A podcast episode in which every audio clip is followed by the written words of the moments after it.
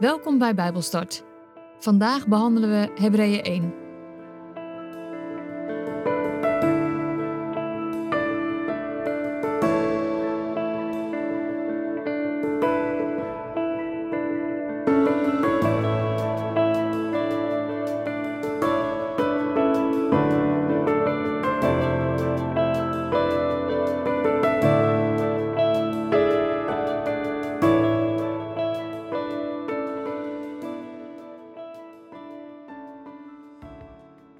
Ik lees met jullie uit de basisbijbel Hebreeën 1 en de eerste vier versen van hoofdstuk 2. God heeft vroeger vaak en op veel verschillende manieren tegen onze voorouders gesproken. Dat deed hij door de profeten. Maar nu, aan het eind van de tijd, heeft hij tegen ons gesproken door zijn zoon. Door zijn zoon heeft hij de wereld gemaakt. En hij heeft hem ook alles gegeven wat bestaat. De zoon is de afbeelding van God zelf. In Hem zien we wie God is. In Hem zien we de macht en majesteit van God en het karakter van God. De Zoon zorgt ervoor dat alle dingen bestaan. Want alle dingen bestaan door Zijn woord, dat één en al kracht is. Eerst heeft de Zoon ervoor gezorgd dat de mensen vergeving konden krijgen voor al hun ongehoorzaamheid aan God. Daarna is Hij naar de hemel gegaan. Daar zit Hij nu naast God op de troon. Hij heeft een veel machtiger plaats gekregen dan de engelen. Dat is omdat hij veel belangrijker is dan zij. Want tegen geen één engel heeft God ooit gezegd: Jij bent mijn zoon, vanaf vandaag ben ik jouw vader. Maar wel tegen de zoon. Tegen geen één engel heeft hij ooit gezegd: Ik zal jouw vader zijn en jij zal mijn zoon zijn. En opnieuw zegt God, op het moment dat hij zijn eerstgeboren zoon in de wereld brengt: al Gods engelen moeten Hem aanbidden. Van de engelen zegt Hij: Zijn engelen zijn als de wind, Zijn dienaren zijn als vuurvlammen. Maar van de Zoon zegt Hij: God, U bent voor eeuwig koning en U heerst volmaakt rechtvaardig. U houdt van rechtvaardigheid en haat onrechtvaardigheid. Daarom heeft God aan u meer blijdschap gegeven dan aan de anderen om u heen. En God zegt ook: Heer, u heeft in het begin de hemel en de aarde gemaakt. De hemel en de aarde zullen verdwijnen, maar u blijft voor altijd. Hemel en aarde zullen verslijten als een kledingstuk. U zal ze oprollen als een mantel en ze vervangen door een andere.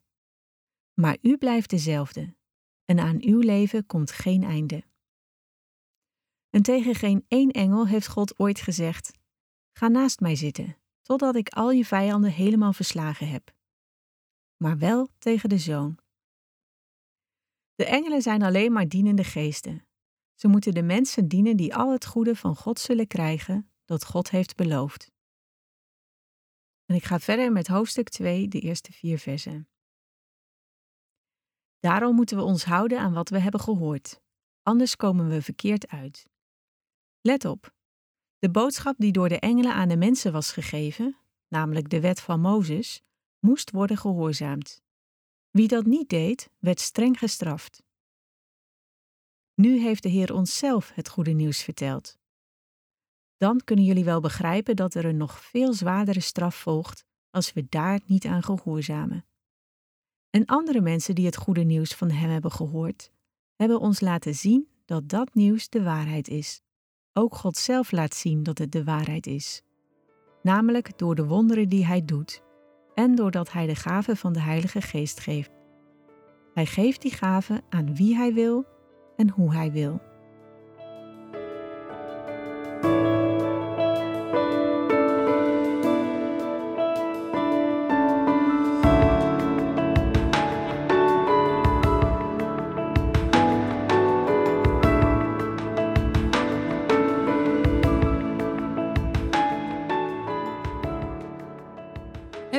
Wordt ook wel het vijfde evangelie genoemd. De eerste vier evangeliën gaan over het werk van Jezus op aarde en Hebreeën heeft het over het werk van Jezus in de hemel. De exacte schrijfdatum is niet bekend. Kerkvader Clemens van Rome citeert het in 96. Maar waarschijnlijk is het voor de verwoesting van de tempel van Jeruzalem in 70 na Christus geschreven, want anders was er wel naar gerefereerd. En dat weet ik bijna wel zeker omdat de religieuze offers en alle handelingen in de tempel wel benoemd worden, maar de verwoesting niet. Men schat dat het ongeveer tussen de 60 en de 70 na Christus geschreven is. Maar aan wie eigenlijk? Want er is niet echt een duidelijke geadresseerde opgeschreven. Niet zoals bijvoorbeeld de boeken van Timotheus of Titus. Nou, waarschijnlijk is het geschreven voor de Hebreeuwse christenen die overwogen om weer terug te keren naar het Judaïsme. Het zijn waarschijnlijk de tweede generatie christenen. Dat kun je lezen in hoofdstuk 2, vers 3.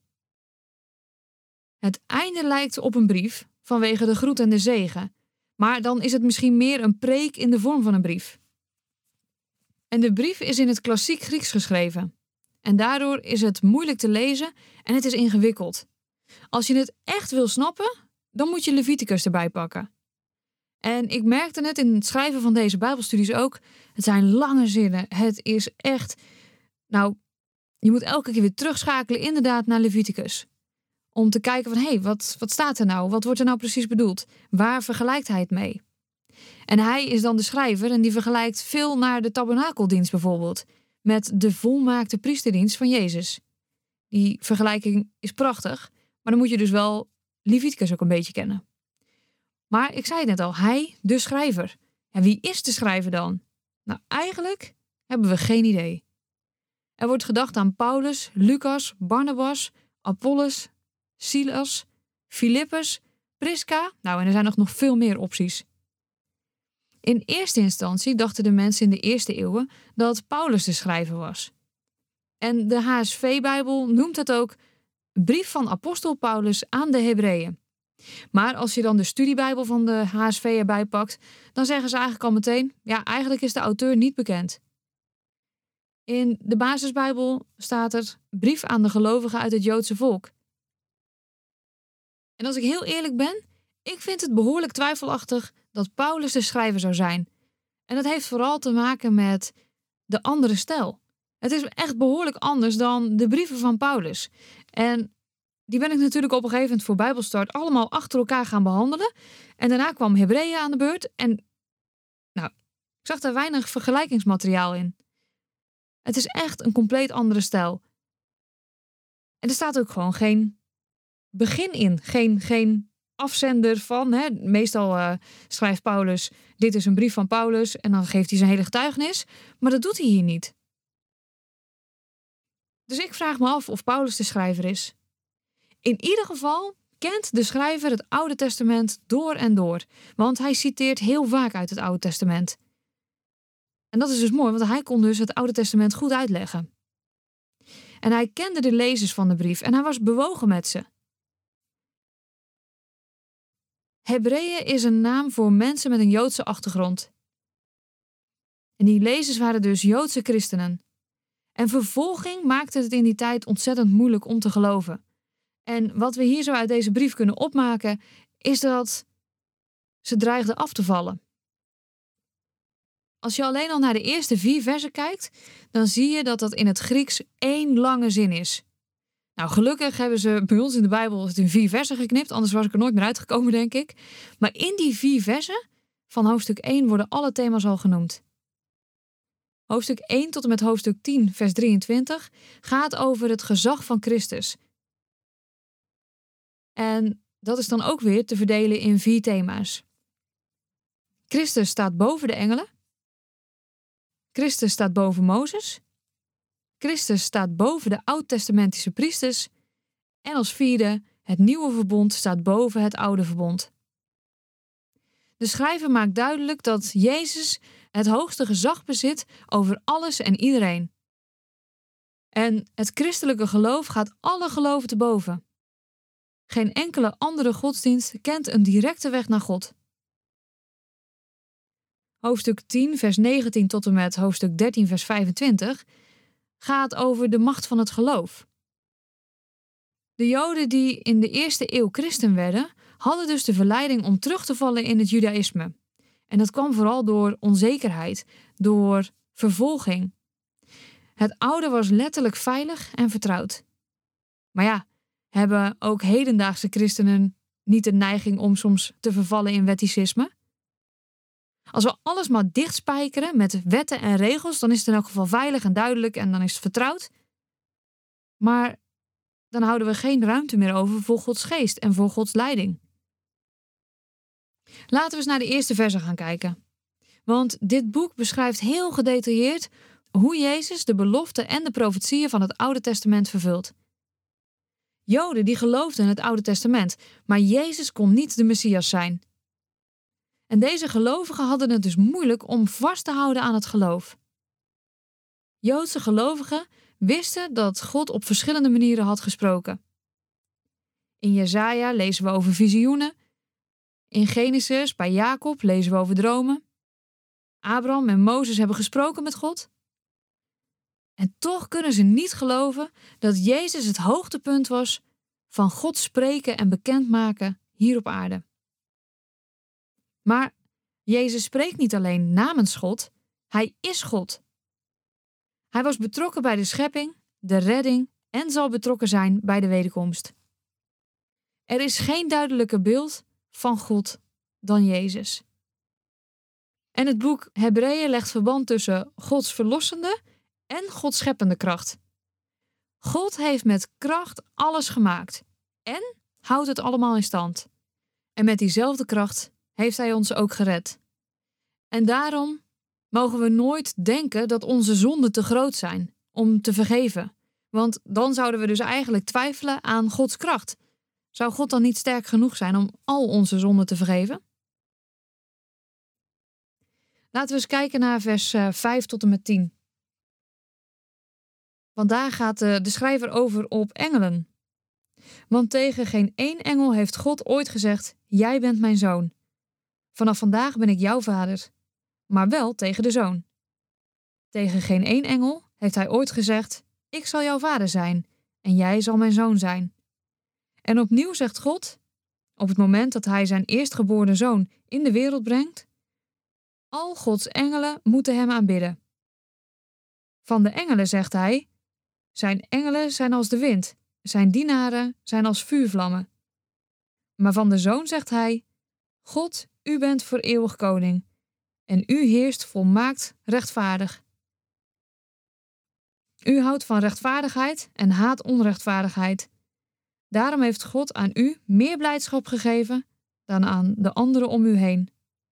En God zegt ook: Heer, u heeft in het begin de hemel en de aarde gemaakt. De hemel en de aarde zullen verdwijnen, maar u blijft voor altijd. Hemel en aarde zullen verslijten als een kledingstuk. Het gaat hier over de eerstgeboren zoon, Jezus als Gods eerstgeboren zoon. En dat niet alleen, Jezus is Gods enige zoon. In het Joodse volk was het een belangrijke positie als je oudste zoon was. En het gaf ook veel verantwoordelijkheid. En ik heb het volgens mij al wel een paar keer gezegd bij de doop van Jezus. Op het moment dat Jezus dan gedoopt werd en de geest als een duif op Jezus neerdaalt en de hemel opengaat, dan zegt God: in jou heb ik welbehagen, in jou vind ik mijn vreugde. En dat was iets wat ouders in die tijd, of vaders vooral, in die tijd tegen hun oudste zoon zeiden. Want op het moment dat ze dat dan uitspraken, dan gaven ze de zeggenschap over het huis.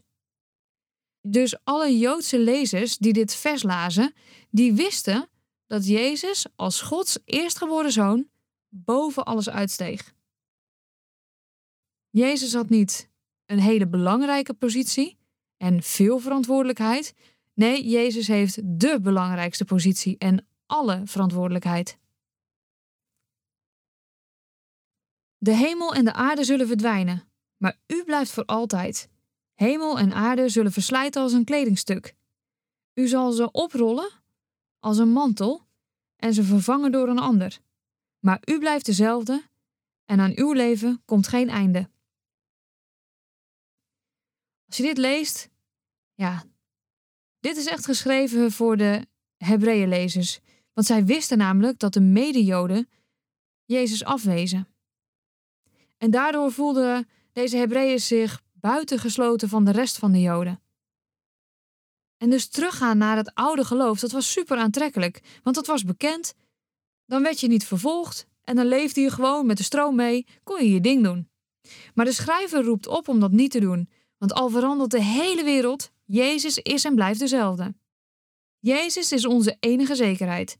Jezus is het standvastige fundament. Jezus is onveranderlijk. En wat betekent dat dan precies? Nou, zijn karakter, zijn wezen, zijn zijn, dat verandert nooit.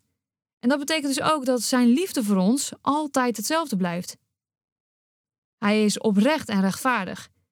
En hij is zonder twijfel genadig voor ons. En dan het laatste vers, vers 13. Hier maakt de schrijver korte metten met de valse leer van vroeger. Er staat namelijk: En tegen geen één engel heeft God ooit gezegd: Ga naast mij zitten, totdat ik al je vijanden helemaal verslagen heb, maar wel tegen de zoon. De engelen zijn alleen maar dienende geesten. Ze moeten de mensen dienen die al het goede van God zullen krijgen dat God heeft beloofd. De valse leer die vroeger uh, verspreid werd, was dat je God alleen maar kon benaderen door middel van engelen. Je mocht dus niet rechtstreeks bidden tot God. Je moest bidden, buigen voor de engelen. Je moest hen aanbidden en hen dienen. Je moest dus ook die engelen goed gezind zijn. Maar Jezus staat boven de engelen. Jezus is geen belangrijke engel. Hij staat er echt compleet boven. En sommige mensen dachten toch echt dat Jezus een belangrijke engel was. Maar de engelen dienen hem. Dat lees je ook met de verzoeking in de woestijn. Engelen zijn boodschappers van God. Ze dienen de gelovigen en beschermen de hulpelozen. Jezus daarentegen is God. En hij verdient dus alle eer.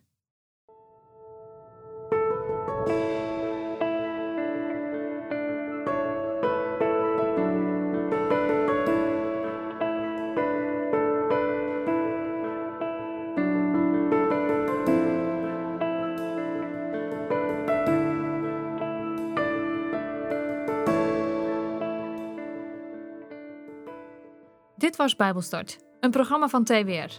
Het is gebaseerd op het Amerikaanse programma Through the Bible, ook wel TTB genoemd. En deze uitzending is een samenvatting van twee afleveringen. Wil je meer weten? Ga dan naar ttb.org of ga naar twr.nl/bijbelstart.